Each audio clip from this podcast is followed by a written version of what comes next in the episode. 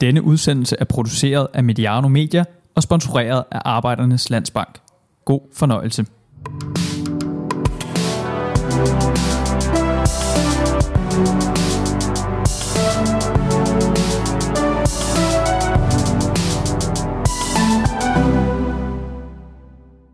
Du lytter til Bossword, formatet, hvor vi taler udvikling og ledelse. Mit navn er Peter Brygman.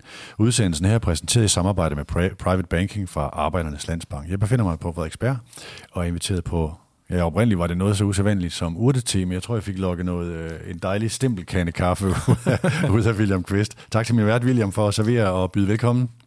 Meget velkommen.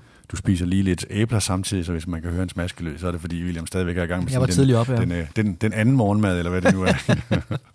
Tidligere fodboldspiller, hvordan lyder det som titel? Ja, den skal jo gerne byttes ud på et eller andet tidspunkt, kan man sige, med noget andet, ikke? Hvordan ser en hverdag ud i sådan foråret 2020 for William Quist?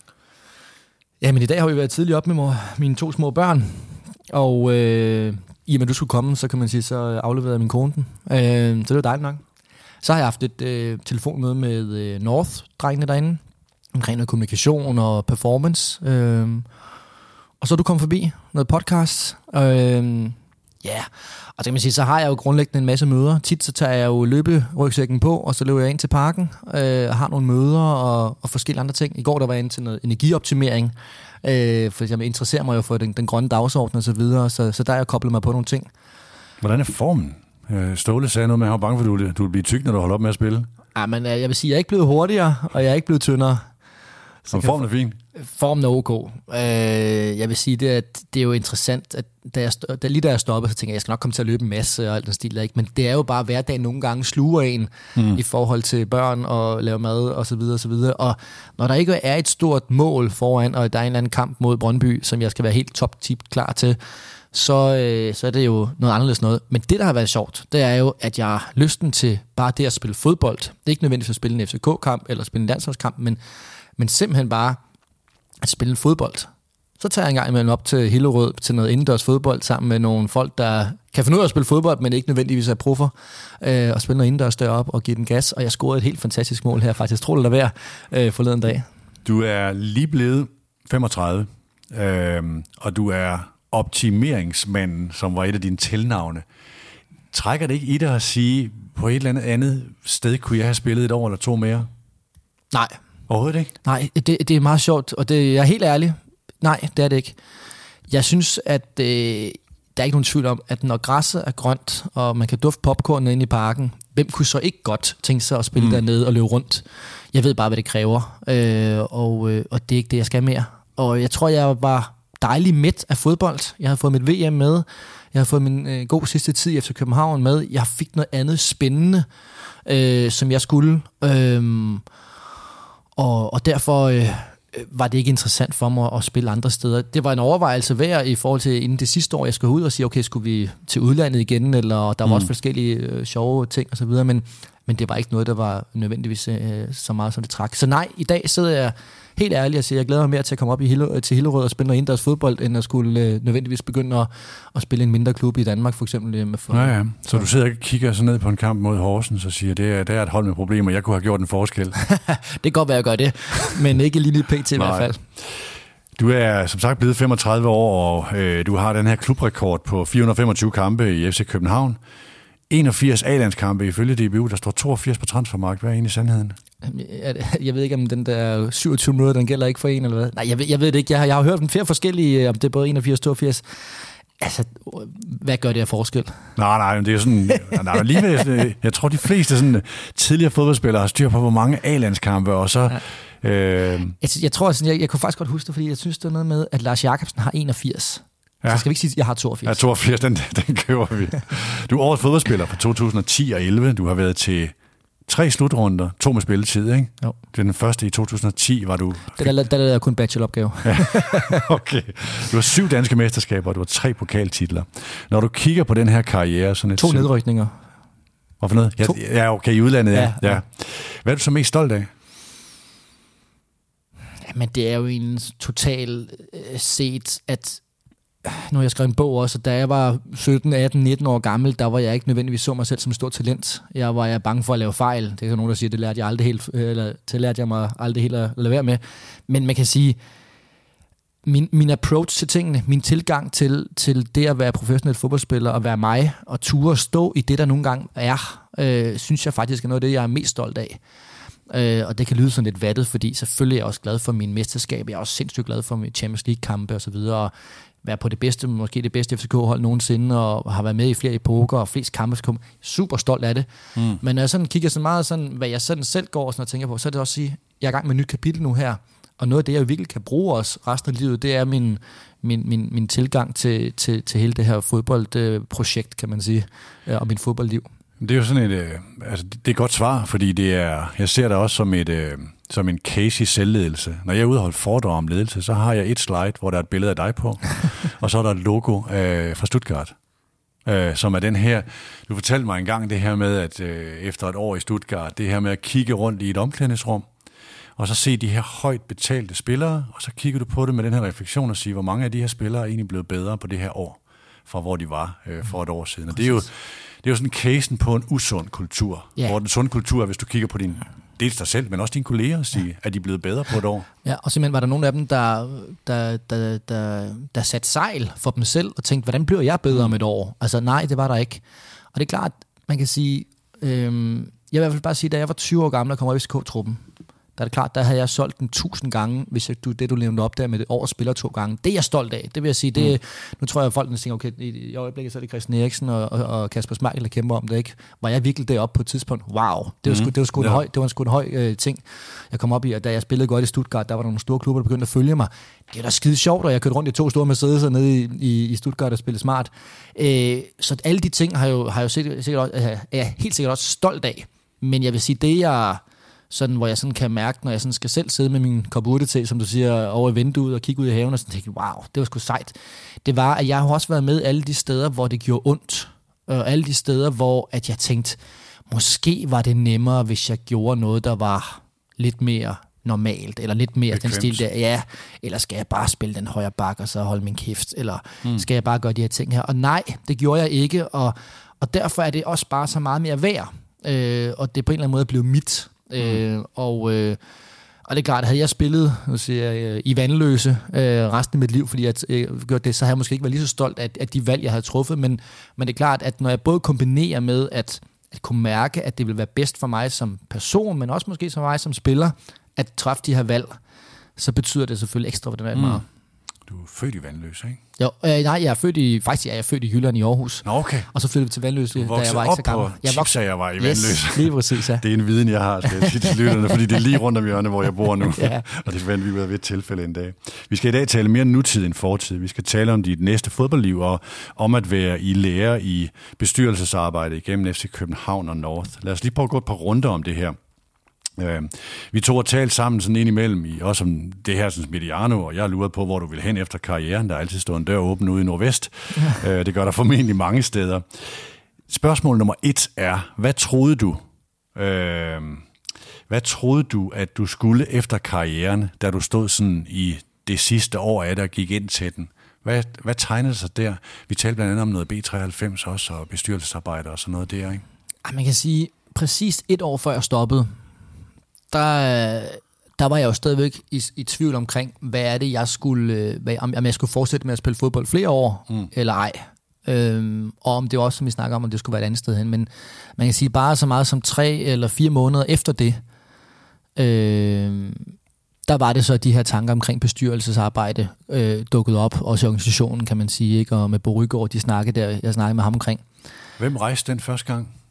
Tanken? Nej, det gjorde Bo. Okay. Det gjorde Bo. Altså man kan sige... Fik det indflydelse på, hvornår du stoppede?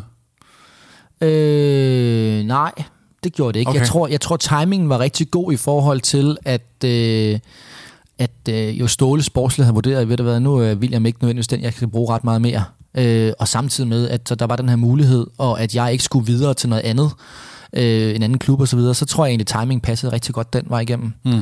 Øh, så jeg havde jo heldigvis meget af det sidste år, hvor jeg jo kunne give mig hen til at spille fodbold og til at være der. Jeg tror, mange vil faktisk sige, at den, de, de ni måneder var jeg faktisk øh, ret meget på til træning og, og, og prøve at hjælpe holdet så meget som muligt, specielt den vej rundt. Og kunne nyde og måske bare have en formiddag, hvor man gik ud og spille fodbold med kammeraterne, lidt mere end at tænke på, uha, mm. nu skal jeg være 100% tip-top klar til, til på søndag, fordi der vidste jeg godt, der ville jeg komme til at sidde på bænken. Øh, så det var egentlig en, en god tid. Og det er også derfor, jeg synes, at jeg har været heldig sådan ligesom at kunne, kunne lave den her knude, hvor jeg ligesom har kunnet, kunne stoppe på rette tid, vil, vil jeg selv mene, og andre også sikkert også, øh, men også samtidig at, at have, have tid til ligesom at sige, okay, nu kommer jeg ind i noget helt andet. Mm. Og, og jeg vil sige, altså der, hvor jeg er i dag, det er jo, at, at jeg jo, jeg har ikke travlt, men jeg har heller ikke gået i stå.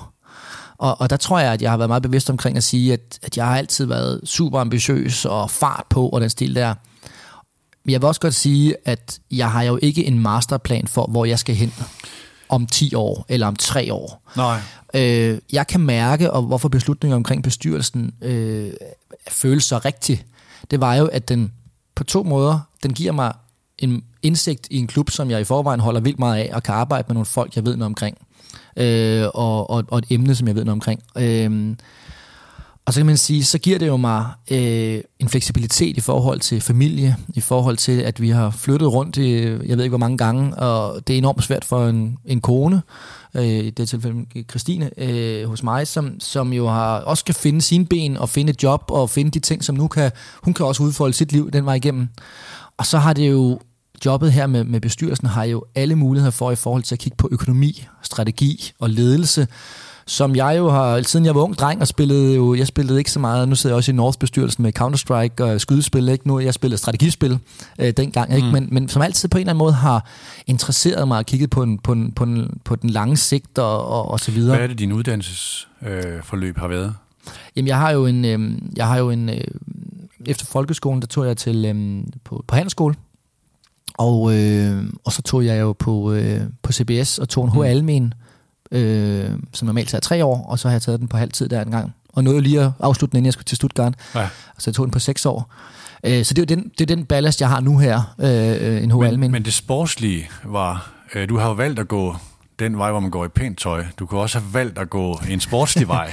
altså, ja. og vi, ligesom du er lærer i bestyrelsesarbejde og hele det der organisatoriske nu, kunne du også have valgt at gå med for eksempel Kasper Julemand, ikke nødvendigvis som assistenttræner, nej, men nej. ind i noget mere sportsligt og ja. sportsligt strategisk. Ja. Ja, men, men helt klart, og jeg ved ikke, øh, det, det har bare ikke, det fanger mig bare ikke på samme måde. Og, og det er ikke den, jeg tror bare ikke, måske jeg er lige så forelsket i spillet, som jeg tror en for eksempel assistenttræner, hvis man siger det på den måde, eller måske også en træner eller en sportschef, måske skulle være på en anden måde at sige, wow, så du den detalje der? Mm. Jeg lægger mærke til den, jeg, det er ikke det, men jeg er måske ikke på samme måde interesseret i at, øh, at, øh, at udvikle på den, eller at, øh, at finde det nye taktiske koncept sådan lige til, til, til når vi skal møde efter Nordsjælland og sådan ting der. Øh, der er nogle andre ting, som, som, som den ledelsesmæssige ting, tror jeg, og, mm. som, som jeg synes er meget mere interessant, og som, som, som, som er det. Men omvendt, nu prøver vi det her af, og ser, om det er den retning. Og hvem ved, om jeg skulle være ungdomstræner på et eller andet tidspunkt om 10 år, hvor jeg tænker, nej, nu har jeg sgu haft nok af alt det der kedelige der. Jeg savner fodbold, jeg savner øh, nogle unge mennesker. Jeg tror det ikke, men, men det er da klart. Og der står jeg sige til dig, at jeg har ikke nogen, sådan, øh, jeg har ikke nogen stor masterplan for at sige, nu, nu har vi lige skrevet ned de næste 10 år, hvad, hvad William Kvist skal, som jeg måske havde lidt mere på, på fodboldbanen, kan man sige, og, øh, eller fik, fik i hvert fald frem. Øh, så det er jo derfor, ligesom også jeg endte, endte i, i bestyrelsen, kan man sige. Ikke? Fordi mm. der på Rygård sagde, ved du hvad, jeg tror sgu, at du har talent for det her, og, og, og du kender den her klub øh, ud og ind. Og, øhm, og det vil være et rigtig godt sted for dig at, at starte, og vi vil rigtig gerne have dig ind. Øhm, så det er klart, når, når jeg også en eller anden, som siger, at øh, hey, du har, du, jeg tror, du har talent for det her, ligesom der er nogen, der sagde, at du må godt komme med i FCK-truppen eller på så vil jeg sige, det glæder jeg mig rigtig meget til at udforske. Der har du næsten besvaret spørgsmål nummer to, for det er det her roadmap. Altså, hvor, hvor går det hen? Altså, øh, ser du, fordi det du lærer i, nu kalder jeg det bestyrelseslærer, øh, nu her, er jo også et, en, øh, en vej, der kan føre til et job som sportsdirektør, eller øh, lignende, eller måske endda administrerende direktør osv. Øh, kan du se det derude et sted? Ja, jeg kan se rigtig mange ting. Mm. Altså, øh, døgnets, øh, døgnet havde flere timer, ikke? Altså, jeg kan se rigtig, rigtig mange muligheder, øh, og rigtig mange ting, jeg kunne have lyst til. Og igen, det er også derfor, jeg er så glad for at kunne starte et sted som FC København og Parken, fordi det er jo et sted, som jeg ved omkring og holder meget af. Der er ikke nogen tvivl om, at jeg har jo altid, øh, jeg har altid ønsket på en eller anden måde, tror jeg, at enten at starte min egen virksomhed, eller være leder på et tidspunkt og stå forrest, for det er ligesom, jeg godt kunne lide at være anfører, eller være en af styrende, så ligger det bare til mig, at det er noget, det jeg godt godt kunne tænke mig. Og det hedder administrerende direktør i FCK af Parken på et eller andet tidspunkt om, I don't know, 10 øh, år eller 20 år, eller hvad er det nu så her. Mm. Jamen det, det, skal jo, det, det, kan jo, det kan godt være, og det kunne være et helt andet sted uden for fodbolden. Jamen måske også. Øh, og, og derfor er jeg jo meget åben for, for tingene i øjeblikket i forhold til det. Nu har jeg en rigtig god øh, platform i forhold til at, mm. at sidde i parken. bestyrelse, hvor jeg jo tænker i en 10-årssigt på det arbejde og siger, wow, hvor er det, jeg gerne vil flytte parken hen af. Men jo, jeg, jeg synes da helt sikkert, at, at, at, at der er rigtig mange ting, der er interessante. Jeg har også den der reservation, eller hvad man siger, den at sige, jeg skal nødt til lige at lande i det nye liv, mm-hmm. jeg også har fået. Jeg er ni måneder henne i en meget, meget stor omvæltning. Jeg har aldrig lavet andet end at spille fodbold. Og den respekt tror jeg også har for, at jeg skal vide noget mere med mig selv. Hvor er det, jeg henne? Og der, med den proces, der er det jo, ligesom med fodbolden, der var jeg sgu i gang med at søge. Og jeg, jeg søger jo også i den forstand, mange sidder i bestyrelser rundt omkring, og måske har 6 eller 8 møder om året, og det er klart, når jeg siger, at jeg er inde til en energioptimeringsmøde, så handler det måske ikke så meget omkring mit bestyrelsesarbejde. Det handler måske mere omkring at sige, at jeg er mere omkring at lære rigtig meget inden omkring Jeg lærer, parken. hvad man gør i organisationen. Og jeg har været mere omkring øh, tøjpartner. Øh, hvad er det for nogle forhandlinger, vi har der? Mm. Det er super interessant. Forhandlinger med DBU omkring landskampe i parken osv. Så, videre. så jeg, jeg, jeg, på den måde er det jo lidt mere et, et, et et, øh, hvad kan man sige, et forløb hos du, parken. Ja, du brugte jeg, ordet onboarding. Ja, jeg har haft et, et langt on, onboarding-forløb, og det vil jeg jo stadigvæk have. Og, mm. og bruger det også som et sted, hvor jeg først og fremmest kan give en masse, og jeg har tiden til det osv., øh, men, men det er først og fremmest for en bestyrelsesmæssig øh, synspunkt, ja. Så er lidt mere personligt spørgsmål. Jeg genhørte pressemødet øh, om, altså omkring dit stop i går, hvor du, jeg blev mærke, at du siger, siden jeg kom på i førsteholdstruppen som 19-årig, har jeg tænkt på, hvordan jeg skulle stoppe karrieren. Mm. Prøv lige at sige lidt mere om det. Jeg ikke sige meget, hvordan, men hvad jeg skulle lave mm. bagefter i hvert fald. Ikke? Altså, jeg har jo haft en, øh, en mor og en far, som øh, har støttet mig 110 procent. Det skal man gøre for at komme hertil nærmest ikke med vores ferie. var planlagt, i, når jeg skulle øh, med fodbold og sådan ting der. Øh, men de har også omvendt sagt, William, husk, der er meget mere end, end, end fodbold øh, i verden og, øh, og har været med til at skubbe til, at jeg tog til Australien, da jeg var ung, og jeg mm. tog til London, og Flemming Østergaard fik arrangeret, jeg kom til Mærsk og var i praktik derovre, så jeg kunne træne med Fulham og forskellige andre ting osv. Og, øh, og jeg har, jeg har gjort nogle andre ting, også for det. Og siden jeg var 19-20 år gammel, inden jeg skulle i FK-truppen, der, der tænkte jeg, okay, hvis ikke jeg får den fuldkontrakt, jamen så tager jeg sgu til USA og studerer på college derovre, mm. eller university, og bruger fodbold på den måde, eller jeg bliver efterskolelærer, eller et eller andet stil der. Så hele tiden har jeg haft den anden tanke, at der godt kunne være noget andet end fodbold. Men ikke som en restløshed? Ikke som en restløshed, men simpelthen, simpelthen sige, men simpelthen, nej, ikke, øh, ikke som en negativ ting, men simpelthen bare sige, mm. og på et eller andet tidspunkt ved jeg med sikkerhed, at det bliver noget andet end fodbold. Nå, fordi grunden til, at jeg kalder det personlige spørgsmål, det er også det her, hvis jeg går tilbage til den der optimerings, øh, af man, altså det der begreb, at du hele tiden har arbejdet på at optimere dine processer. Mm. En del af det er også, hvor god er man så til at være i nuet?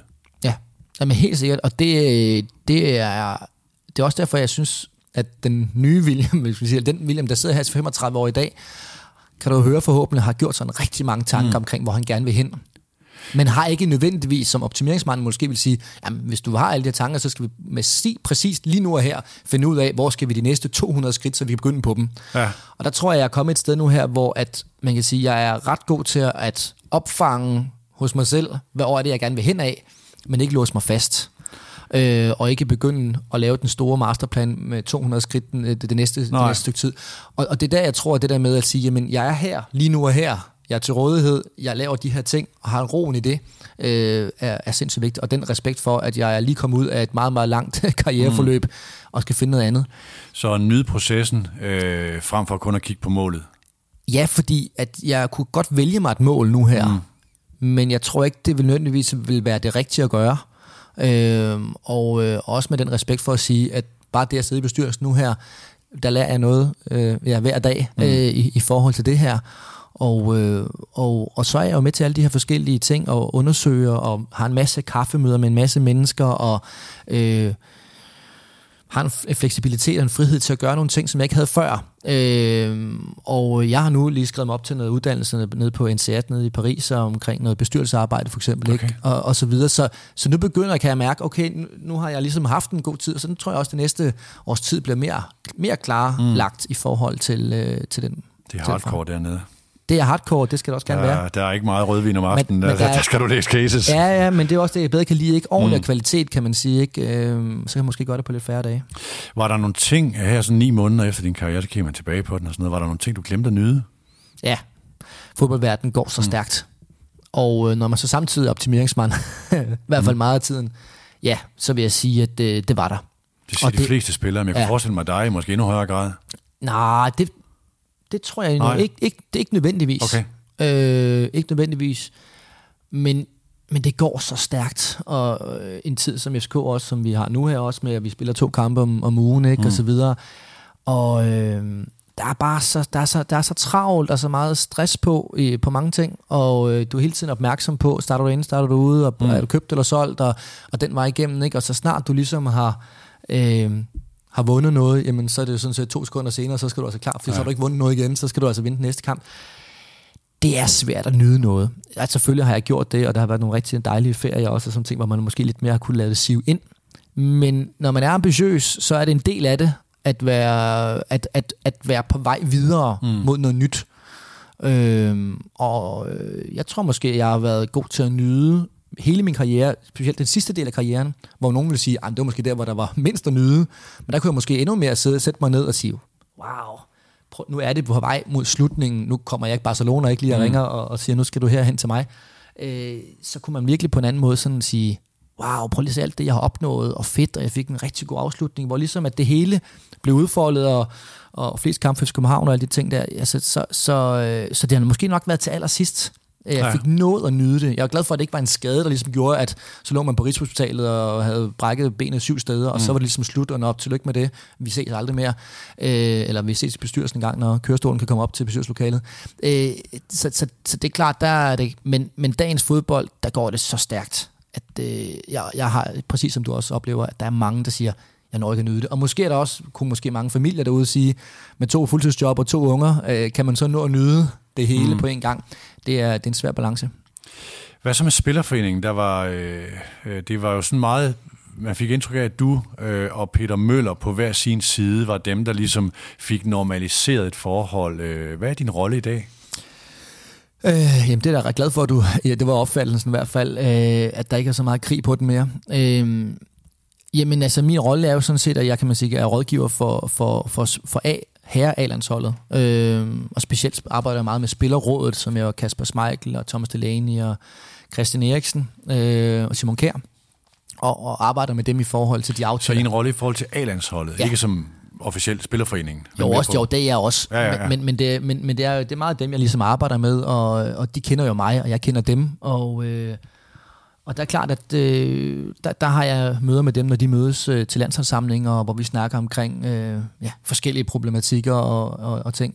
Og der er det klart, at der har det jo været rigtig fint at få Peter Møller ind øh, fra DBU's side også, øh, sådan så at vi to kender jo lidt hinanden. Jeg har mm. fået en, nogle, nogle albuer af ham, ikke? og han har måske fået lidt tilbage, nogle niller ikke? Øh, tilbage. Øh, og, og det er klart, så har vi jo i hvert fald været rigtig gode over det sidste stykke tid til at, at ikke at skabe problemer for os selv, øh, men at løse dem så travlt frem mod en slutrunde. Jeg skal lige sige, at vi optager her onsdag formiddag, og udsendelsen kommer ud fredag. Lige i øjeblikket kan der ske hvad som helst på meget få, få dage, men er der, er der travlt frem mod, mod, mod slutrunden? Ja, der er dejligt travlt. Mm. Det er nogle gode ting. Det er jo rigtig positivt, kan man sige. Ikke? Mm. Men det er klart, at den her kære corona, den... Øh, ja den øh, ændrer meget både i PSC-regi øh, og men så fandme også landsholdet. Ja. Så, så det er klart, men, men sådan er det, og det, det er rigtig fint. Men, men der er nogle gode ting til at se frem til, og, og jeg tror på, at landsholdet har en rigtig spændende rejse foran sig, øh, også sådan i forhold til, til, til, til alt det, der ikke måske har så meget med, med spillet ned på banen at gøre. Inden vi går ombord i nutiden, skal vi lige høre, hvem der er partner på Bosworth og hvad de står for. Private banking for Arbejdernes Landsbank er mere og andet end bare investering. Det er først og fremmest formueplanlægning, der giver dig overblik. Du bruger for eksempel en stor del af dit liv på at opbygge en formue. Men har du også en god plan for, hvordan du klogest bruger den igen? At planlægge sin gæld er faktisk lige så vigtigt som at planlægge sine investeringer. Private Banking fra Arbejdernes Landsbank. Vi giver dig overblik og viser dig mulighederne. Arbejdernes Landsbank er partner på alt indhold i magasinet, som er vores sådan, mest langtidsbare indhold. Det samarbejde skulle også gerne være et bevis på hele Medianos model, at brugerne og lytterne ikke behøver at betale penge for godt indhold, hvis man er partner som Arbejdernes Landsbank. Godt indhold skulle vi gerne kunne lave i dag, William. Jeg åbnede postkassen på sociale medier i går, op til denne udsendelse, og bad om nogle reaktioner. Uh, et kom fra, det var, det var Johnny Larsen, jeg tror, det er Johnny Skorstensfejr. Han mener, han lærte dig at være københavner, jeg skulle hilse. det gjorde han i hvert fald også. Så kom der et spørgsmål fra Maria, der spurgte, hvor meget er det din tid som fodboldspiller, der gør dig kompetent til at sidde i bestyrelsen, og hvor meget er det din uddannelse og øvrige kompetencer uden for banen? Det er et godt spørgsmål. Det skulle næsten stille det til Bo Rygaard jo. Men Ja. jeg tror, det er ligeligt, kan man sige. Jeg, jeg sidder i bestyrelsen, øh, fordi jeg selvfølgelig har en sportslig kompetence øh, i forhold til det. Øh, men, øh, men jeg tror også, at lige, lige jeg, sagde, jeg tror, jeg sagde det før i forhold til talent. Jeg tror, at Bo gennem vores samtaler, øh, en del samtaler gennem de sidste par år, har sådan tænkt, ham der William, han kan et eller andet. Øh, der er et eller andet talent i ham, som jeg godt kunne se, øh, vi kunne være med til at udvikle. Øh, og derfor øh, er det jo en kombination, tror jeg, at jeg både har mentaliteten og personen til at kunne sidde der, men også at samtidig at kunne, øh, at, øh, at, at jeg selvfølgelig har nogle sportslige kompetencer. Så spørger øh, både Jan Eriksen og Martin om alternativet. Øh, du, har været en, du har været bidragsyder også økonomisk til alternativet. Hvordan oplever du det, der foregår lige nu? Ja, men jeg tror egentlig, at øh, jeg kan melde så kort ud, at jeg også har meldt mig ud nu. Ja. altså, øh, jeg vil sige det på den måde, at jeg snakkede med Uffe Elbæk før valget, og der sagde jeg jo til ham, at Uffe, husk nu på, du har vundet. Der, øh, Alternativet har vundet. Den grønne dagsorden, som jeg gerne vil have mere på, på, på, på nethunden hos alle, er der nu. Så alt er nu her er plus. Mm. Jeg ved ikke, hvor meget plus der så kommer videre, men det var bare for at sige, at øh, den mission, jeg måske ligesom var på, eller i hvert fald ønskede alternativet stod for os med, den var jo lykkes med det, med det klimavalg, vi har haft. Øh, så, så jeg vil jo sådan set bare sende en stor tak øh, til det, og så må vi se, hvor, øh, hvor rejsen så går videre derfra. Sådan, øh, lad os lige prøve at gå over til, øh, der er også nogle spørgsmål omkring øh, Ståle Solbakken og det sidste kapitel og sådan noget. Lad os lige prøve at gå ind i det sådan lidt, øh, altså med et, med, et, med et par spørgsmål. Mm. Øh, hvordan var den, din afsked, dit sidste kapitel, den der sæson? Du har sagt noget om det i forhold til træningsbanen og blive sådan en Øh, også Kulturbærer. En, jamen, altså i forlængelse af Michael Antonsens rolle også. Altså, der er nogle spillere, der virkelig er blevet de der, mm. øh, skabe den sunde træningskultur mm. også, og komme, øh, altså blive fase den vej hen. Hvordan oplevede du det? Jeg oplevede det godt, og det er klart, det oplevede jeg jo nok rigtig godt af to ting også. Fordi det er klart, hvis jeg bare havde sådan set øh, trænet derud, og jeg ikke lavede så meget andet, og ikke vidste, hvad jeg skulle bagefter, så, så havde det måske været lidt uafsluttet på en eller anden måde, eller jeg tror også måske noget frustration. For det, det er jo klart, at, at sådan en øh, cirkushest, som, som vi alle sammen er, øh, vil gerne i cirkus, øh, og når det ligesom bliver, lad os kalde det, tage det fra en, eller man ikke er god nok længere, så ville det være meget mærkeligt, hvis man ikke øh, følte noget omkring det. Men det er klart, der var kom forhandlingerne omkring øh, den, den nye landsholdsaftale jo rigtig spændende, hvor jeg brugte en masse tid på det mm. også, øh, ved siden af, og kunne få lidt mit hoved væk, måske fra, fra hvis jeg ikke lige spillede øh, hver søndag og så videre, og, og jo også kunne se, at jeg havde nogle kompetencer, som kunne bruges uden for fodboldbanen, og det gjorde endnu mere, jamen så er det måske endnu mere nu, nu at jeg skal til at, at lave noget andet, kan man sige. Ikke? Og så kom den tanke omkring øh, bestyrelsesarbejdet jo også. Øh, så, så kan man sige, så der var jo en lang periode der, hvor at, øh, hvor at, øh, at det gav mening også at træne, fordi jamen, der kommer noget rigtig godt på den anden side. Nu er det ikke for at sætte lus i skinpelsen mellem dig og de to nordmænd. Øh, Åke Harreide, han er jo sådan ret konservativ i forhold til, når han går frem mod en slutrunde, men oplevede du, at der var større tillid fra Åke Harreide til, hvor du var i din sportslige karriere inden for Ståle Solbakken? Nej, det gjorde jeg egentlig ikke. Nej. Jeg tror, at øh, jeg tror, det var, jeg var, jeg var to forskellige steder øh, på de hold øh, i den forstand. Ikke? Jeg betød noget forskelligt for de to hold. Mm. Øh, FCK var inde i en, i en ny tid. Øh, jeg tror, alle har sagt, kæft mand, Rasmus Fald spiller godt ind på den midt, øh, for eksempel. Øh, og, og derfor var det skiftet nu engang øh, det, der har jeg fuldt tillid til Ståle i forhold til, at, at, øh, at han vurderede, at det var det rigtige sportsligt for FC København, og sådan skal det altid være. Øh, det er egentlig en, en lærdom, jeg selv vil tage med, mm. med mig. Og når jeg sådan på en eller anden måde prøver, det er rigtig svært for nok for os alle sammen, at tage ens ego ud af alt det her, øh, og de ting, der nu engang er, men så kunne jeg se, at det var, at det var også den, det er den rigtige beslutning.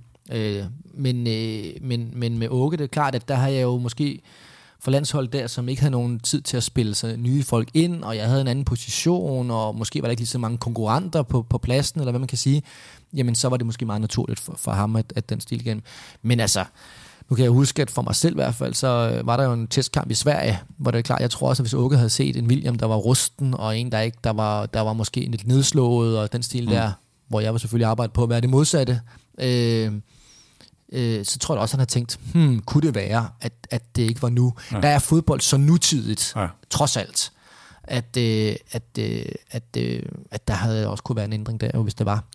Nu har du næsten svaret på det der med, hvornår kom bestyrelsesnakken op og sådan noget. Jeg kan huske på det tidspunkt, her snakker vi meget tidligt, 2019, øh, inden Kasper Julemand var stoppet i, i, øh, i Nordsjælland, og Flemming Petersen var tiltrådt. Jeg tænkte, jeg, jeg, jeg, altså, kan jeg vide, om William han kunne finde på at tage et år et andet sted. For eksempel der. Øh, hvad var der i spil, hvis der skulle have været et sportsligt alternativ til at... Altså om sommeren der inden øh, et år ja, før? altså til faktisk den sæson, der er i gang nu, må det være, ikke? Ja, altså der var, øh, der var nogle snak om noget Rosenborg, og der var noget snak omkring noget øh, Australien, og du ved, de der lange, lange rejser derudad og, og så videre. Øh, men altså, det var, og det var det. Altså, det var, det var meget kort, og det var sådan meget, hvor jeg var sådan lidt, okay, jeg er nødt til i hvert fald lige at mærke efter. Er der noget mere? Og det svaret var ret hurtigt, både for mig og min kone, at sige, nej, det er mm. København, vi bor her, Frederiksberg, vi har købt et dejligt hus, vi bliver her. Øh, jeg er midt af, af, af dage, øh, og, jeg, og jeg skal være i København. Og, øh, så det var, det, var, det, var, det var meget lidt, øh, der var i det. Mm. Men det var fint, at der var der, sådan så jeg lige pludselig også kunne sige, nej, der var en mulighed for noget andet, men det skulle ikke være mere. Nej, nemlig. Nu er du en mand, der er ret åben for at lære nyt. Øh, hvad er det mest markante, du har lært øh, i de seneste ni måneder? ja, det er et godt spørgsmål. Altså, jeg synes jo, at øh, jeg synes jo, det er sådan en helhedsbetragtning af, at FC København og Parken for mig før tiden var en fodboldbane og et stadion. Mm. Nu er det meget, meget mere. Jeg ser jo mange, mange flere, når jeg lukker øjnene, ser jeg mange, mange flere folk stå bag FC København. Stå bag Parken. Øh, og jeg, jeg, øh, noget af det, vi ikke vidste på, på fodboldbanen, det var blandt andet LaLandia og kontortårne, hvor vigtige de har været i den strategi omkring at have en bæredygtig klub. Øh, jeg, har, øh, jeg har lært, hvor meget arbejde og hvor en god kultur vi har inde i, specielt inde på, nu kender jeg meget dem inde på, på sal 9 og på sal øh, 6 inde i, inde i parken omkring, øh, hvor meget de brænder for holdet mm. også, for det er selvfølgelig også indflydelse på deres arbejde, men at de også er topperformer på deres område. Øh, det ved man bare ikke så meget om som spiller. Og, øh, og det kan være, at det er noget med lokation at gøre, og det kan være noget omkring med tunnelsyn, det kan noget med alder at gøre. Men, øh, men det synes jeg, jeg jo på en eller anden måde er, det varmer mig lidt, at jeg sådan på en eller anden måde får et større hjerte for FC København og parken som helhed, fordi at nu er det ikke bare græsstråene og næste kamp, øh, men, men det på en eller anden måde er en, en større organisme og en større mm. ting, og det er København, og det, altså der, der, der begynder nogle ting der, som, som man kan få lidt øh, gåsehud over og tænke på. Ja, lokation som i forhold til, at spillerne er på øh, herude på Frederiksberg, nu peger jeg herover bag ja, mig, fordi det er lige heroppe. Det er på, ja. Øh, og altså, hvad skal man sige, administrationen sidder i parken. Øh, ja. Og det kan man ikke gøre så meget anderledes. Ikke PT i hvert fald, Nej. Øh, kan man sige. Jeg tror ikke lige, vi får lov til at lave træningsbaner i fældeparken. Nej. Når jeg så følger dig på Instagram øh, og andre steder, så kan jeg se, at øh, så er du i LaLandia, så er du hos øh, Aarhus Sune i FCK Talent, øh, øh, og så er du selvfølgelig meget hos, hos, øh, altså hos North øh, også laver det her.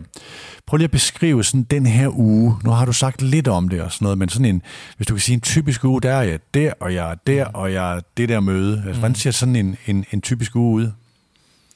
Jamen, en, en, en typisk uge er jo, et, man kan sige, det gode ved et bestyrelsesmedlem, det er jo, at der ikke, der bliver ikke stillet noget kontor til rådighed. Og jeg har jo sådan set ikke nogen chef.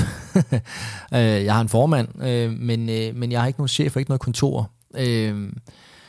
Og det, der så har været for mig, det er, at jeg gerne vil, jeg vil jo gerne involvere sig så meget, jeg nu kan for at lære og for mm. ligesom at komme up to date med, hvor er organisationen henne, øh, hvad er det, der foregår, og man kan sige, jeg har jo taget den lidt baglæns. For det meste så er det jo gamle grå mænd, som jeg sidder sammen med i bestyrelserne, som har haft et langt arbejdsliv, og så sætter sig ind, fordi de kender, hvordan hverdagen er. Og der er det klart, der har jeg også den respekt for, at jeg også gerne skal prøve at komme så meget ind i parken som muligt, i hvert fald, hvor det giver mening, og være med omkring nogle ting, så jeg også ligesom ved, hvordan det er at have fingrene nede i bolddejlen øh, mm. i, i en Men en normal uge vil jo være, at øh, altså, groft sagt, så vil det jo være sådan noget med, at ud af fem arbejdsdage, hvis vi kalder det det, så har jeg også en søndag, hvor jeg skal til kamp formentlig så vil det være, at øh, to, to og en halv, tre dage vil være i parken, hvor jeg har møder. Øh, en af dagene vil måske være med North, øh, og så vil jeg have en dag med, med DBU øh, i en eller anden sammenhæng, eller hvor jeg skal, i hvert fald skal forberede noget. Så jeg går meget til møder, Mm. Øh, og det kræver noget forberedelse. Så sidder inde på mit kontor inde bag dig her, øh, og, og, og, og holder lidt forberedelse på den måde. Ikke? Så det er jo klart, at hvor, det er jo en det er også der, jeg stadigvæk er et vadested, fordi jeg er jo på en eller anden måde stadigvæk programmeret som en fodboldspiller. Altså, siden jeg var 12 år gammel, der var der næsten en holdleder, der kom med et ugeprogram og sagde, det er sådan her, du skal være. Mm. Ikke? senere hen, så var det Per Vind, der kom med en mail og sagde, forresten, du skal nu, det er de næste to uger, ikke? Og på, på landshold var der nogle andre osv. Øh, og nu her er det mig selv. Og det synes jeg er jo super fedt, mm. men det er også sjovt at mærke programmet i mig selv, der sådan nogle gange siger, okay, hvor, hvad, hvad er det lige, jeg skal? Hvor er det, jeg skal hen af? Og så videre en stil der. Øhm, så det er i hvert fald en, det er en, det er en lidt sjov ting, at, øh, at, at det der med ikke at have noget kontor, synes jeg egentlig er super fedt, men det kan også det skal man også arbejde med på en eller anden måde. Og så kører du, øh, jeg kunne se, at der var et billede af din ladcykel på, øh, foran, øh, på parkeringspladsen foran B.O. Links Allé, det yes. hvor du lige havde parkeret den i en bås. det er de gamle mænd, der de er nødt til at køre i bil, ikke? og også andre i bestyrelsen, vi kører på ladcykel der.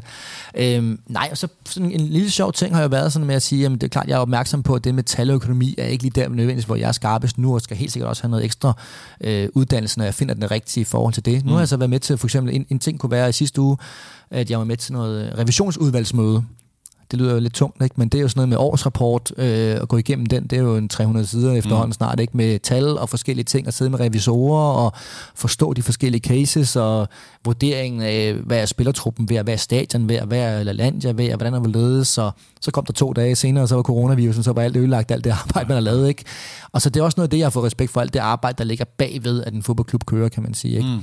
Så det er jo lidt mere, at jeg prøver på en eller anden måde at stikke fingeren ned i organisationen så mange steder som overhovedet muligt for at lære øh, og komme up to date med, hvor vi er henne. Øh, nu er det mit indtryk, at øh, Bo Rygaard er en sådan forholdsvis arbejdende bestyrelsesformand. Hvor meget er du sammen med ham på en måned?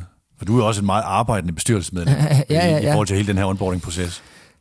Det er et godt spørgsmål. Det, det er jo lidt fra, fra måned til måned. Der kan, være, der kan jo være måneder, vi er ret meget sammen øh, til møder. Øh, vi har jo noget proces nu i forhold til også for stadion og så videre, hvor jeg er en del af en proces i forhold til DBU og mm. Københavns mm. Kommune. Ikke? Øh, der bruger vi noget tid der. Vi har også et lidt mere, lad os kalde det et mere... Øh, øh, privat øh, forløb i forhold til sparring. Ikke? Altså, mm. Nogle af de møder, vi også havde, som jeg talte omkring, som lidt op til bestyrelsesposten, har jo været, at, at Bo har været rigtig god. Øh, Så han har også en mentorrolle i forhold til han, dig? Han har helt sikkert en mentorrolle mm. i forhold til mig, øh, i forhold til også det nye liv. Han, han lever jo lidt det liv med, hvor han hvor han ikke har et fast job, men mange forskellige, og det mm. tror jeg også lidt som er det, jeg i hvert fald pt. vil gå med og sige, jamen jeg har, jeg har brug for på flere ting og være nysgerrig på mange ting. Øhm, og der, der, er det måske, der er han måske rigtig god til at kunne sige ikke så meget, når savner du græsset på, på banen, men at sige, hvordan går det egentlig med, at, at du har forskellige ting, og du mm. ligesom skal være lead på de her ting selv. Ellers så kommer der måske ikke så meget til dig, øh, som hvis du kommer på et arbejde klokken 9, og så kommer der en chef og siger, at du skal lave mm. det, det, det, og så går du hjem klokken 5.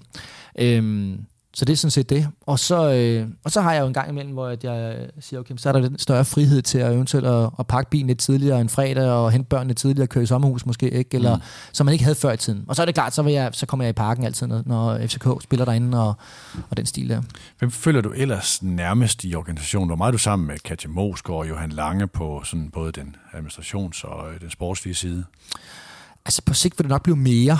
Øh, men det, jeg, har jo, jeg har jo fokuseret på at komme meget, meget bredt ud nu her. Altså næste uge skal jeg til Alandia med Jan Haidt, øh, ned til et ledermøde dernede, ikke? og jeg har, øh, jeg har af og til møder også med Johan selvfølgelig, øh, og, og, og, og Katja, som jo kommer nok til at være dem, som jeg skal, hvis jeg stadigvæk fortsætter med sådan at have mange øh, små projekter og mm. ting, jeg skal med til, vil være dem, som hovedsageligt kører det. Men jeg har jo der, der er jo så mange andre dygtige folk omkring dem og rundt om dem, som hvis jeg virkelig skal vide, hvad der sådan i rent praktisk foregår, så skal jeg jo lige en tand nogle gange til, mm. tand dybere end dem.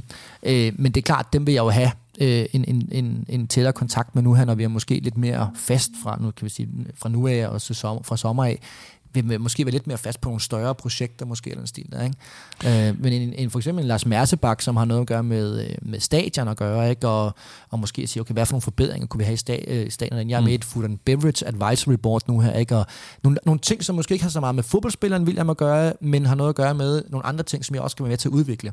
Der kommer snart urte til i parken. Ja, folk, folk, skal ikke blive, folk skal ikke blive så glade nu. Nå, okay. Men, øh, men vi har nogle dygtige folk i hvert fald, som arbejder på os, og hvor jeg er en del af det. Øh, og, og der kan man sige, der tror jeg også, at bestyrelsen er jo glad for, at de ligesom har en, som mange af de andre bestyrelsesmedlemmer har jo rigtig mange andre mm. jobs og, og så videre, har hovedbeskæftiget andre steder, kan man sige, der, der har de ligesom en, som måske øh, både sidder i bestyrelsen, men også har en finger lidt mere på pulsen i forhold til organisationen.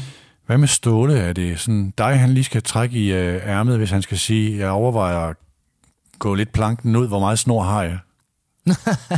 Nej, det er Bo, han har den kontakt med. Mm. Hvordan ser du på, øh, der er et spørgsmål også fra, fra Claus i forhold til det her med, man har talt meget om den første gang, Ståle Solbanken forlod FC København, og han har også selv været sig, sig, sig det her bevidst og i talsat det her med, at jamen, den her gang skal vi være mere afhæng, eller uafhængige af mig, mm. bygge organisationen, så den står stærkere, når jeg ikke er her mere. Hvordan gør man sig uafhængig af det? Det er et godt spørgsmål. Det skal du næsten spørge ham om jo. Men det er klart, det er jo også en af de ting, at øh, hvis jeg, når, vi, når, jeg siger, når jeg taler om, at jeg har et 10-års perspektiv på at være i parken, mm. øh, så er det også en af de spørgsmål, øh, vi skal stille os selv og sige, hvordan skal den fremstridige struktur være? Altså øh, i forhold til, hvor vi vil gerne lægge os henne nu. Du taler meget med Dan i forhold, Dan Hammer i mm. forhold til øh, strategi og fodboldstrategi og den stil, der ikke? Og det skal vi jo hele tiden korrigere efter, kan man sige. Ikke? Men det er klart, at at øh, nu har Ståle været der i så mange år, på et eller andet tidspunkt, at den ene eller anden eller den tredje grund, så, så vil det arbejde måske ikke være der mere, øh, og så vil der skulle findes enten en ny konstellation, eller en ny person, eller hvad det nu skal være. Øh, og, øh, og det ved jeg, at han er i gang med at, at tænke over. Øh, nu har han også noget andet at tænke på, og så videre. Så, det, så der, der er jo, det, det, det arbejde er i hvert fald rigtig, rigtig vigtigt. Øh, fordi hvis man tror på, at det kan man sige, kommer til at ske det samme som, som, øh, som sidste gang han forlod, så har vi i hvert fald en stor mm. forpligtelse til at gøre vores bedste for det.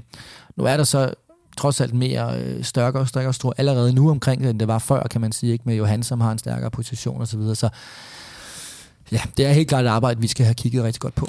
Nu skal jeg ikke lokke dig til at tale på vegne af bestyrelsen omkring Ståle Solbakken. Det, det er meget følsomt uh, terræn, og det kan hurtigt blive uh, også noget, som du ikke har lyst til. Men lad os lige prøve at bevæge os derhen. Altså, nu er vi, vi optager her onsdag, som sagt. FCK spiller i morgen med Basak Sehir.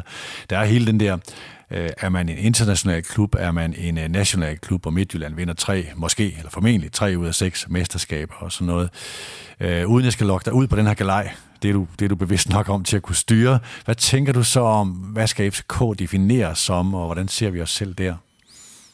Nej, man kan sige, hvis man kigger på det, nu skal vi møde her i Euroleague øh, Istanbul, der, og du sagde det ret pænt, det navn. Basaksehir. her. Ja. Øh, og, øh, og man kan sige, hvis man ser det der, så har vi jo været ekstremt dygtige, og specielt Ståle har været ekstremt dygtige til at få mere ud af mindre. Altså det vil sige, mm. at vi har fået rigtig meget ud af et budget, øh, kontra de andre hold, øh, som, havde, som var meget mere, at de, de havde meget mere, kan man sige. Ikke? Og, og det er jo, ja, på den internationale scene, dem man konkurrerer yes. om puljespilspladser yes. i europæiske altså, der må vi jo bare sige, der har vi jo performet rigtig, mm. rigtig godt. Øhm, og håber jo på at kunne fortsætte det i rigtig, rigtig mange år, kan man sige. Øhm, så det er jo en af de ting, en af de fokuspunkterne med, hvordan kan vi bevare det, og hvad er det, der gør øh, fokusen der for os, øh, at vi er så gode på det område. Og der er det klart, så må vi jo øh, sige, at at, øh, at, øh, at på, i Superligaen, der skal vi jo være lige så nysgerrige på at sige, hvordan kan vi flytte os også der, i forhold til at sige, øh, altså at være nysgerrige på, hvordan kan vi få mere ud af det, vi har. Øh, og øh, det kan man sige, det, kado til, jeg synes Nordsjælland gør det også rigtig godt, altså i forhold til det budget, de har, mm. at får de rigtig meget ud af det, de har en klar strategi og sådan videre. Øh, og det samme også med Midtjylland, må vi bare sige, kado til dem i forhold til, hvad de får ud af det, øh, de har og med at gøre. Og der skal vi jo hele tiden være skarpe. Og, og man kan sige, der er ikke nogen tvivl om, at den stabilitet, vi har haft med Ståle, og nu også Johan rigtig lang tid, øh, er jo altafgørende for, at vi for eksempel i Europa har, har været så dygtige. Øh, altafgørende for, at vi har haft så mange gode spillersalg, mm. og vi har nogle gode cykluser i FC København, hvor, at, hvor det, at det topper, og så bygger man op igen, og det topper, og man bygger op igen stil der. Og, øh, og, øh, og der skal man jo ikke have været på skole for så mange år selvfølgelig sige, jamen, så er det klart, så er det hele tiden med at være ops på, når man så har kontinuitet mm. med de samme mennesker, hvordan udvikler vi så hele tiden stedvæk, og er nysgerrige på det nye ting. Øhm, og det er jo en af de ting, som, som vi som bestyrelse, som også er en opgave for bestyrelsen hele tiden at påvirke øh, de direktører, der nu står, det kunne være øh, Ståle og, og Johan, og sige, er vi, er vi med på den opgave hele vejen igennem? Ja. Så stadigvæk uden at skulle advare dig mod faldgrupperne i spørgsmål og sådan noget, men øh, det her med, der er to synsvinkler på FC Københavns sportslige præstationer. Der er de internationale, hvor man, som, man, øh, som du siger, så har man overpræsteret i forhold til dem, man er op imod. Så er der den anden synsvinkel, som man hører meget i den aktuelle debat. Hvordan kan man få så lidt ud af så stort et budget på den nationale plan? Hvad fylder mest i de her øh, perspektiver? Nej, men det er, jo, det er jo et hele, kan man sige, fordi det her, det er jo, det her, det for os, der handler øh, det er jo om en bæredygtig forretningsstrategi, som vi også har talt om før. Og, og der er klart, at øh, øh der, for, for at komme op til de penge forhåbentlig, som hvor Champions League er, at, at det der er målet. Og, og der vil vi gerne vil ligge. Vi vil gerne lege med det bedste. Øh, og nu kan man så se nogle nye strukturer med Euroleague, som også kan være rigtig, rigtig god osv. Men der kræver det jo selvfølgelig, at man præsterer, først og mm. fremmest i, i, i sin hjemlige liga osv. Og der er det jo bare sådan, hvis man sådan igen ikke ser fra kamp til kamp, og sådan, det, det skal man ikke også bestyre til, men skal man se sådan over længere perspektiv, så er det klart, så er det gode jo, at vi bliver udfordret endnu mere nu her på, hvad er det, vi er gode til, og hvad er det, vi ikke er gode til. Hvad kan vi eventuelt måske for, forbedre en lille smule, fordi at der er nogen, der er kommet ind, som Midtjylland for eksempel nu her. Forhåbentlig kommer Brøndby måske også på et eller andet tidspunkt, og er med til at skubbe os. Øhm, fordi vi egentlig, og det er jo lidt at sige som at spørge, stille spørgsmål til to højre bakker, ikke? som hvor den ene siger, ah, men det er godt, den anden er kommet til, fordi så bliver jeg en lille smule bedre, og han mener det ikke helt, fordi han vil egentlig gerne bare være komfortabel op på toppen, mm. ikke? Men, men det gør hinanden, gør hinanden bedre, og jeg håber på, at sådan helt overordnet set, at når vi om 10 år står som det stærkeste hold igen, øh, ikke fordi vi er nu, men, men er stadigvæk om 10 år står som det hold, som, som er dem, som, som, som er spydspidsen i, i Danmark, så er det fordi, at vi også er blevet, nu her skal se det her som en god udfordring øh, hos, fra Midtjyllands side, om at sige, hvad er det, I skal gøre bedre? Øh, hvad er det, vi skal blive bedre til? Og det er den udvikling, som, som vi jo hele tiden som, som organisation skal være opmærksom på. Men hvis nu øh, Midtjylland vinder det her mesterskab, og den står 3-3, øh, går man så ind i en tiebreak, øh, om hvem der tager den til 4-3, eller, eller hvordan ser du den udvikling? Hvor meget betyder det nationale der? Jamen, det betyder noget, men nej, men det der med, om det hedder 3-3 eller 4-3, det har ikke den store betydning. Øh, for det skulle ikke have en stor betydning for bestyrelsesmæssige tidspunkt. Og der kan man sige, der er bestyrelsen skal jo grundlæggende se, se, hvad er det for nogle mål, mm. strategier, vi har, og har vi de rigtige folk til at udføre dem. Øh, det er jo det, der, det, er det, der er grundlæggende. Så i en, i en bestyrelsesvægtning, det er i hvert fald noget, øh, jeg har talt med Dan Hammer om, og sådan, altså, det, der at nå de her puljespil, de 13 puljespil på 14 år, det at mm. kunne mm. bygge spillere op, som en Dennis Vavro-case, til at mm. præstere på det niveau, sælge dem på ja. det, det er noget, som også ligger i, den, altså i vurderingen af den sportslige stab. Øh, så det handler ikke kun om, at man under 2,0 point i snit i Superligaen. Nej, altså det er jo en ekstremt kompleks øh, mm. analyse selvfølgelig, man har på det her. Det er sådan et helhedsbillede, kan man sige. Men det er klart, det er jo nogle af vores strategier, det der, i forhold til at, at gøre det godt i Europa, øh, men også nu her, at, at, at der engang man skal sælges mm. nogle spillere på de rigtige tidspunkter. Øh, og det er den vejning, som er enormt øh, svær, som vi har været rigtig gode til øh, i København øje med, at, at, at sælge, når der skulle sælges, øh, når der har været succes formentlig, og så har man set, okay, nu er vi måske nødt til at bygge, mm. bygge op igen. Øh, og der må man jo sige, der har vi jo lært så meget af den forretning, at der er nogle cykluser der i vores forretning, som, som de folk, der er her nu, kender rigtig godt og er rigtig gode til. Nu ved jeg selvfølgelig ikke, hvordan bestyrelsen har fungeret tidligere, og hvad for en rolle for eksempel Christian Holmstrøm har haft i forhold til, hvor meget der blev lyttet til ham. Hvor meget er du den, der bliver kigget over på, når der skal komme den sportslige vurdering? og hvad er dit indtryk i forhold til, sådan som du fornemmer, hvad bruger de dig til? Også i forhold til Holmstrøms gamle rolle måske? Ja, nu vil jeg ikke lige noget alder til forskel også på mig og Holmstrøm, og noget, noget med noget, noget med det mundlige. Men altså, øh, man kan sige på den måde, at det er da klart, jeg er en af dem i bestyrelsen, som er, er, er sportslig kyndig, og derfor vil de jo selvfølgelig lytte til mig øh, i de her sager her, øh, i, i, mange, i mange hensener øh, i forhold til det. Ja, for det er jo nok ikke uh, Skærbæk eller Karl Peter Korsgaard eller Lars Seier, de sender til Slovakiet for at kigge på har... næste varvro. Nej, nej, det er jo klart, og det er jo ikke deres job. Øh, og, og, og derfor er det jo... Øh, også et job, som jeg skal vokse ind i mm. endnu mere, kan man sige. Ikke? Det er jo klart, man kan ikke bare gå direkte for banen og sige, nu skal jeg lige forklare alt sammen, hvordan det hele hænger sammen. Sådan er det, sådan er det jo heller ikke. Øh, men, men det er klart, det er, det er derfor, jeg sidder i bestyrelsen først og fremmest. Det er, fordi jeg har den sportslige viden og kan, kan se på et hold også, hvordan, om balance eller ikke balance. Ikke? Men der må også være noget, øh, hvor man lige vejer atmosfære. Nu skal du ikke øh, fortælle detaljer fra bestyrelsesmøder, det er ikke derfor, men det er en refleksion, jeg også selv har gjort mig i min, mit arbejde med bestyrelse og sådan noget. Når man træder ind et sted, hvor du ved en masse om det, hvor hårdt træder du så dine argumenter ind? Altså, øh, kan, du, kan du følge mig i forhold til, at hvis du har en indsigt i nogle forhold, så skal du lige veje, hvad er det egentlig, vi taler om her? Hvordan foregår tingene her? I forhold til, hvor mange udopstegn sætter man efter de ting, man siger? Men det er også derfor, at jeg er jo stadigvæk under oplæring i mm. forhold til at bare det at være i en bestyrelse. Ja. Øh, og, øh, og det er klart, det, det vil være en af tingene, at man skal, selvfølgelig skal stikke en finger i jorden i forhold til, hvordan gørs, gørs tingene. Ikke? Og, og, så det, det er helt klart en af tingene, ja. Mm. Nu er du sikkert øh, for beskeden til at sige, at det her skal være dit fingeraftryk i FC København, øh, enten det er som bestyrelse eller det er senere funktioner, men prøv lige alligevel at lege med på den her præmis. Øh, der er nogle epoker, Harald Nielsen og Fritman skabte FC København. Flemming Østergaard øh, var med til at gøre den til en magtfaktor, og det team, ham med Holmstrøm, og Hodgson og så videre, trak dem op foran øh, Brøndby og gjorde dem til nummer et øh, i Danmark. Øh, Ståle øh, hans stab har gjort det til en international spiller, og dermed nummer et i Norden, hvis det sådan er nogle epoker, man kan, man kan beskrive FC Københavns historie. Kan du følge den del af det? Mm. Øh, hvad skal jeres epoke stå for, hvis man siger, hvad er det næste store øh, kapitel i FC Københavns udvikling? Hmm. Ja, der er det jo, et, altså, det har jeg jo ikke fuldstændig skåret ind i granit, hvad jeg vil øh, øh, med, med FC København øh, i den forstand endnu. Øh, og det, det har jeg også respekt for i forhold til det, at, øh, at det, det er ikke det, jeg skal være endnu, nødvendigvis. Jeg skal først og fremmest lære de her ting her. Mm. Men der er ikke nogen tvivl om, at, at jeg tror, at det vi ser er jo, og øh, det er jo på det internationale marked, at der bliver færre og færre muligheder for for eksempel at komme, kunne drømme hele vejen op til Champions League.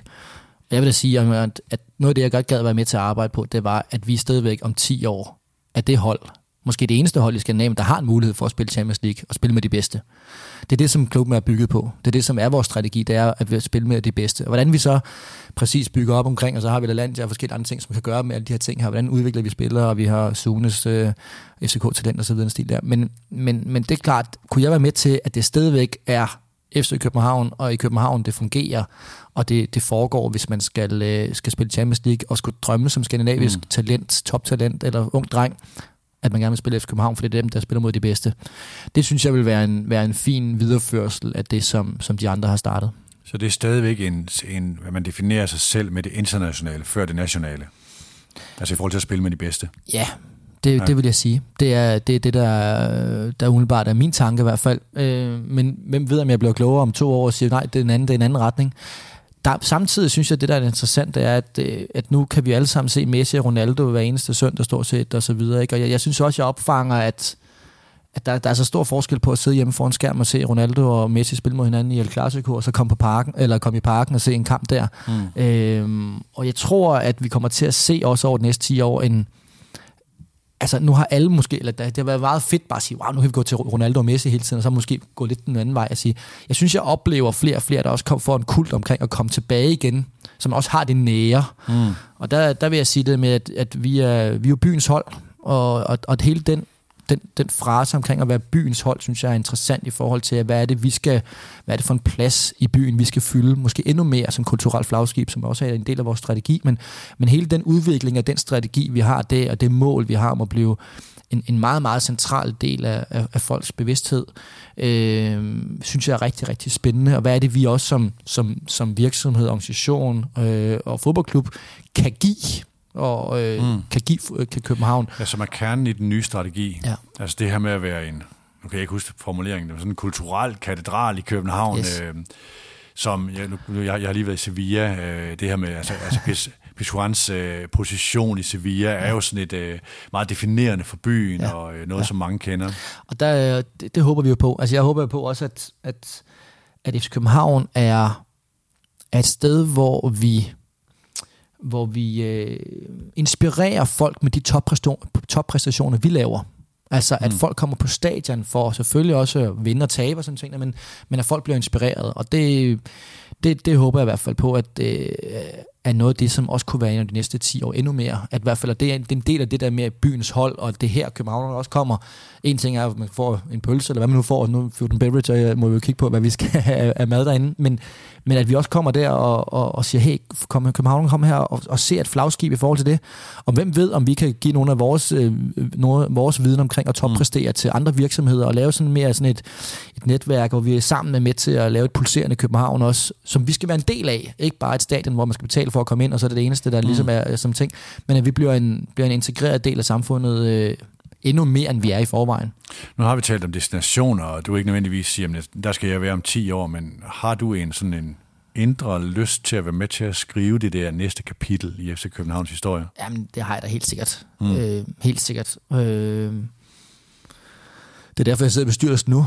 Øh, det er derfor, jeg tager til en masse møder. Øh, det er derfor, jeg prøver at dygtiggøre mig at forstå en masse ting, øh, for at kunne skubbe i den rigtige retning for den klub, jeg holder allermest af øh, og for den by, jeg holder allermest af. Øh, så det er jo et privilegie på den måde at kunne, kunne arbejde med det. Så ja, Det er der ikke nogen tvivl om. Øh, og igen, i hvilken rolle og hvor meget af den stil det er, det må vi se på. Men det er da klart, de der ting, jeg lige har sagt der før, det er der noget, der tænder mig, mm. øh, og, og, og som jeg rigtig gerne vil være med til at skubbe på. Nu øh, har du, vi har, vi har været inde på nogle af tingene i det næste spørgsmål, eller, eller faktisk det sidste spørgsmål, som, øh, som kommer her. Det her så, som spiller var du den her Mr. Euroman, Mr. Øh, Mr. Perfect, tør jeg næsten sige. Du gjorde, ah. alting, ah, du gjorde mange ja. ting meget moderne, og du ja. var et, øh, et, et forbillede i det her med selvledelse. Målbevidst, øh, optimeringsmanden øh, og så videre. Du, du, lavede, du lavede transedans i, øh, var, det, var, var det i Stuttgart, ja. og, og havde Christian Engel som mental coach på en anden måde, end man havde set tidligere. Ham, ja. ham, ham arbejder du jo stadigvæk med, gør du ikke det? Jo. Ja. Hvad gør du i det her sådan metodisk? Altså det, du gør nu? Tag en pause for det metodiske. Ej, men altså, fordi der er onboarding og lære forskellige ja. ting i organisationen. Er der noget Ej. metodisk, man kan gøre her? Ja, ja. men jeg, ja, det, det er der helt sikkert. Og man kan sige, jeg, jeg, det der er ret ved, jeg, jeg gør jo lidt det samme, som når jeg, da jeg kommer i truppen første gang, i FCK-truppen. Altså, øh, der er jeg yngste mand, og jeg skal lære, øh, og jeg ved ikke, hvad Bon Rygaard han er helt præcis om det, så hans bakke eller hvad det er, men, men, men, øh, men, men det er klart, der er nogle folk, jeg skal lære noget af. Der er en organisation, jeg skal lære spillepladen på en eller anden måde, kan man sige. Mm. Ikke? Og det, det tager noget tid, og det er jo det, jeg er i gang med nu her. Øhm, og, øh, og så er det jo stille og roligt med at finde ud af, hov, øh, den her retning er spændende. Det her projekt lærer en masse ting, og turde investere noget tid og noget, noget læring i, og ikke, at, og ikke at skulle præstere måske en masse ting med det samme, øhm, men, men er faktisk, altså, og det, det minder mig lidt omkring det der med mit venstreben der engang, ikke? Altså, til træning, der turde jeg ikke at spille med venstrebenet, fordi så lavede jeg sikkert nok en fejl, og så kom jeg ikke på bænken. Så, mm. så, så var der en anden, der kom på bænken i stedet for mig. Og, og da jeg faktisk først fik vendt den rundt om at sige, at jeg tør sgu godt at spille med venstre ben, fordi så bliver jeg faktisk bedre på et eller andet tidspunkt. Det blev så ikke så meget bedre, men trods alt så bare lysten om at blive bedre til det. Og det er lidt den samme det her med at sige, at, at jeg kender jo godt mig selv omkring, at jeg er super ambitiøs, og, og, og derfor tror jeg også, at jeg ikke nødvendigvis presser mig selv til at finde det der mål, som du måske sådan lidt sådan prøver at lede efter. Hvad er det, du skal mm. sætte aftryk, og hvad er det for nogle ting der? Fordi at, øh, så tror jeg, jeg vil blive for hurtigt opslugt af det. Jeg tror, det er rigtig vigtigt for mig nu her, at, at, at virkelig komme ned og, og mærke godt efter, både som person og så videre, og finde den tid her, øh, og bruge den, bruge den konstruktivt, sådan så jeg kan finde energi og finde det rigtige vej, sætte de rigtige sejl om 6, 12, 18 måneder, og sige, godt, så er den her retning. Om der er ikke sådan nogen, nu er du jo, lige inden vi begyndte at optage, der fortalte du om lyset i loftet, og jeg så det her indslag på Løje her, øh, som jeg lige fandt, øh, hvor du altså, beskriver dit øh, biohacking-anlæg ja, i kælderen ja, og sådan noget. Ja, ja. Det er jo alt sammen noget, sådan nogle små ting, ja. øh, altså meditation og så videre, ja. for at kunne præstere at være den bedste fysiske udgave af sig selv ja. fra spillerkarrieren. Ja. Kan, kan du gøre noget her, som er sådan rent metodisk? Jeg vil sige, det der med at sidde på bestyrelsesmødet fra 8.30 til kl. 16.30, i koncentration. For ikke, for ikke at gå ned, når man hjem rent fysisk, mm. så tænkte så er det klart. jeg, jeg tror, de andre de kiggede lidt på mig, da jeg begyndte at rejse mig op og strække lidt og sådan ting der, fordi at det, at der, kunne, der kunne musklerne så ikke klare med at sidde ned på den måde der. Øhm, men nej, altså jeg vil sige på en måde, at for mig har det ikke været sådan nogle fysiske tiltag, som har været det vigtige. Der kender jeg alt det i forvejen, kan man mm. sige, ikke? Øh, og øh, og øh, så, så nej, jeg har ikke lige fundet på noget nyt. Jeg tror, jeg fandt på det hele i Stuttgart, og nu kan gå lidt ind og ud og filtrere lidt fra og til, ja. kan man sige. Ikke? Øh, og jo, jeg gentager jo mange af de ting i forhold til min proces, som jeg sagde, det er noget af det, jeg var stolt af, det var min tilgang til tingene. Jeg, jeg vender jo mange af de her ting her med Christian eller med Bo, og hele tiden mm. evaluerer mm. de ting, hvor jeg er på vej henad, kan man sige, ikke? Og, og prøver at få det bedste ud af, og det meste læring ud af de ting, jeg så er til de møder, og har tid til at kigge lidt på dem bagefter, og har måske bedre tid end nogen, der er meget erfarne til at gå til mange møder, til at lige sige, hey, hvor er vi på vej hen af? Hvorfor tager vi det her møde? Hvad er det for noget? Sådan ting mm. der. Øh, så det er jo bare en, hvad kan man sige, at, at arbejde øh, meget koncentreret i hvert fald omkring de, de ting, som der så kommer til at være. Øh, men også igen at spørge og sige, hey, kan jeg komme med på det revisionsudvalgmøde? Fordi det tænker jeg, det kunne jeg have brug for. Ja. Øhm, og der er det klart, der er der gjort det mig op med at sige, at der er noget med noget økonomi, som jeg er nødt til at lære. Hvordan finder jeg det bedst? Jamen, sætte i gang, ud og spørge nogen, hvordan kan jeg gøre mm. det? Øh, der er noget omkring det, det sportslige og sådan ting. Det er godt, Johan, hvad kan jeg gøre der? Hvad er det for nogle rapporter, I kigger på? Bla, bla, bla, bla, ikke? Og så videre, så videre. Og jeg tror også på, at jeg snart skal ud og se nogle træninger med FCK Talent, måske at følge dem og sige, hvordan er det egentlig at have en helt dagligdag som mm. træner i FCK Talent, og også som spillerne og sådan ting der, ikke? Og, og der er det jo, ja, så, så det er stadigvæk den der undersøgende fase, hvor den unge spiller, der kommer op i truppen, lige skal lære, hvor er det for nogle, hvad er det for nogle øh, hjørneflag, der er sat på den her bane her. En af de ting, der var meget signifikant i din karriere, du har talt rigtig meget om det i nogle tidligere interview, det der med angsten for at lave fejl, mm. som du havde som ung spiller. Øh, Hvem var det egentlig, der... Var det Morten Olsen, eller hvem var det, der fik dig skubbet ud af den der øh, skal med at sige, jeg er bange for at lave fejl, jeg tør faktisk godt spille bolden derhen, eller gøre det her med, med at, at sige mit spil? Ej, det var, det, var en, det var en længere proces, kan man sige, med Christian specielt, mm. og mig selv, ikke, kan man sige. Så det, var, det, det startede også i FC København inden landshold og sådan ting der. Øh, men det er klart, at Morten var en af dem, som var med til at virkelig at, at skubbe til det der også, øh, og krævede jo at man skulle have bolden i alle mulige mærkelige situationer, mm. synes man selv måske ikke, eller skulle ture spille lidt rundt om hjørnerne nogle gange, eller skulle ture, ture gøre nogle, nogle måske lidt mere ting på, på, på hans måde, kan man sige. Ikke? Øhm, Men ja. den har du ikke her. Nej. Altså i dit nye virke i forhold til angsten for at sige noget forkert, eller nu kigger de fjollet på mig, hvis jeg siger det her. Nej, det vil jeg ikke sige. Altså, jeg, jeg tænker selvfølgelig over, hvad man siger på et bestyrelsesmøde. Sådan er det jo. Mm. Øh, sådan tror jeg også, du vil gøre i et møde generelt, bare andre steder. Øh, men jeg er ikke bange for det overhovedet Nej. ikke. Øh, det, det, det vil jeg ikke sige. Jeg vil sige, det er, der har jeg jo været igennem en rigtig god skole i forhold til at spille fodbold, i forhold til det pres, der er på, øh, i, i forhold til, at, at, at, øh, at der er så mange, der kigger med omkring de fejl, man har lavet og sådan ting der på en fodboldbane at, at det, op, det, det, det pres oplever jeg ikke, at det kan komme ud af, jeg kommer ud af min comfort zone øh, i forhold til det øh, med det så, her. Så man er ikke bange for at sige noget, hvor, hvor Skærbæk han vælter koppen, hvis, øh, hvis du siger det her nu? det, nej, nej, overhovedet ikke. Øh, øh, nej, det vil jeg ikke sige. Men nej. det er klart, det er jo ikke mig, der rækker fingeren op og siger, undskyld mig, øh, på, ud af det der kæmpe lange store tal der, jeg kan synes, der er en regnefejl der, kan det ikke passe? Hmm. Altså, det, er jo ikke, det er jo ikke min opgave. Hvad siger spillerne, når du kommer til, øh, til kampene, og hvordan, er du, hvordan er du, bliver du set på at træde over i den rolle? Jeg tror, er, de, er de gamle medspillere? Ja, jeg tror, de synes, det er sjovt at se mig igen. Mm. Øh, og slår mig lidt på maven og laver fis med mig, som de gjorde, øh, dengang jeg var øh, deres farfar på, i, på, på holdet. Ikke? Der tror jeg ikke, de ser øh, den store forskel. Øh, og jeg kan også huske det selv, dengang man var spiller. Det er jo klart, at en bestyrelse, om først og fremmest, hvad er lige den laver, og vi ser dem ikke så tit og sådan ting. Så jeg tror, de ser mig som en god gammel medspiller mm. i, i forhold til det. Øh, og det, det skal rigtig fint også. Tak for snakken, William. Fornøjelse. Fik vi det hele med? Det tror jeg. Det er godt. Tak til dig, der har lyttet med. Tak til jer, der skrev spørgsmål og viste interesse for den her snak. Tak til Arbejdernes Landsbank. Tjek deres uh, private banking. De kan godt passe på dine penge, hvis du har lidt formue eller friværdi. Det her er Mediano Bosworth. Vi høres ved.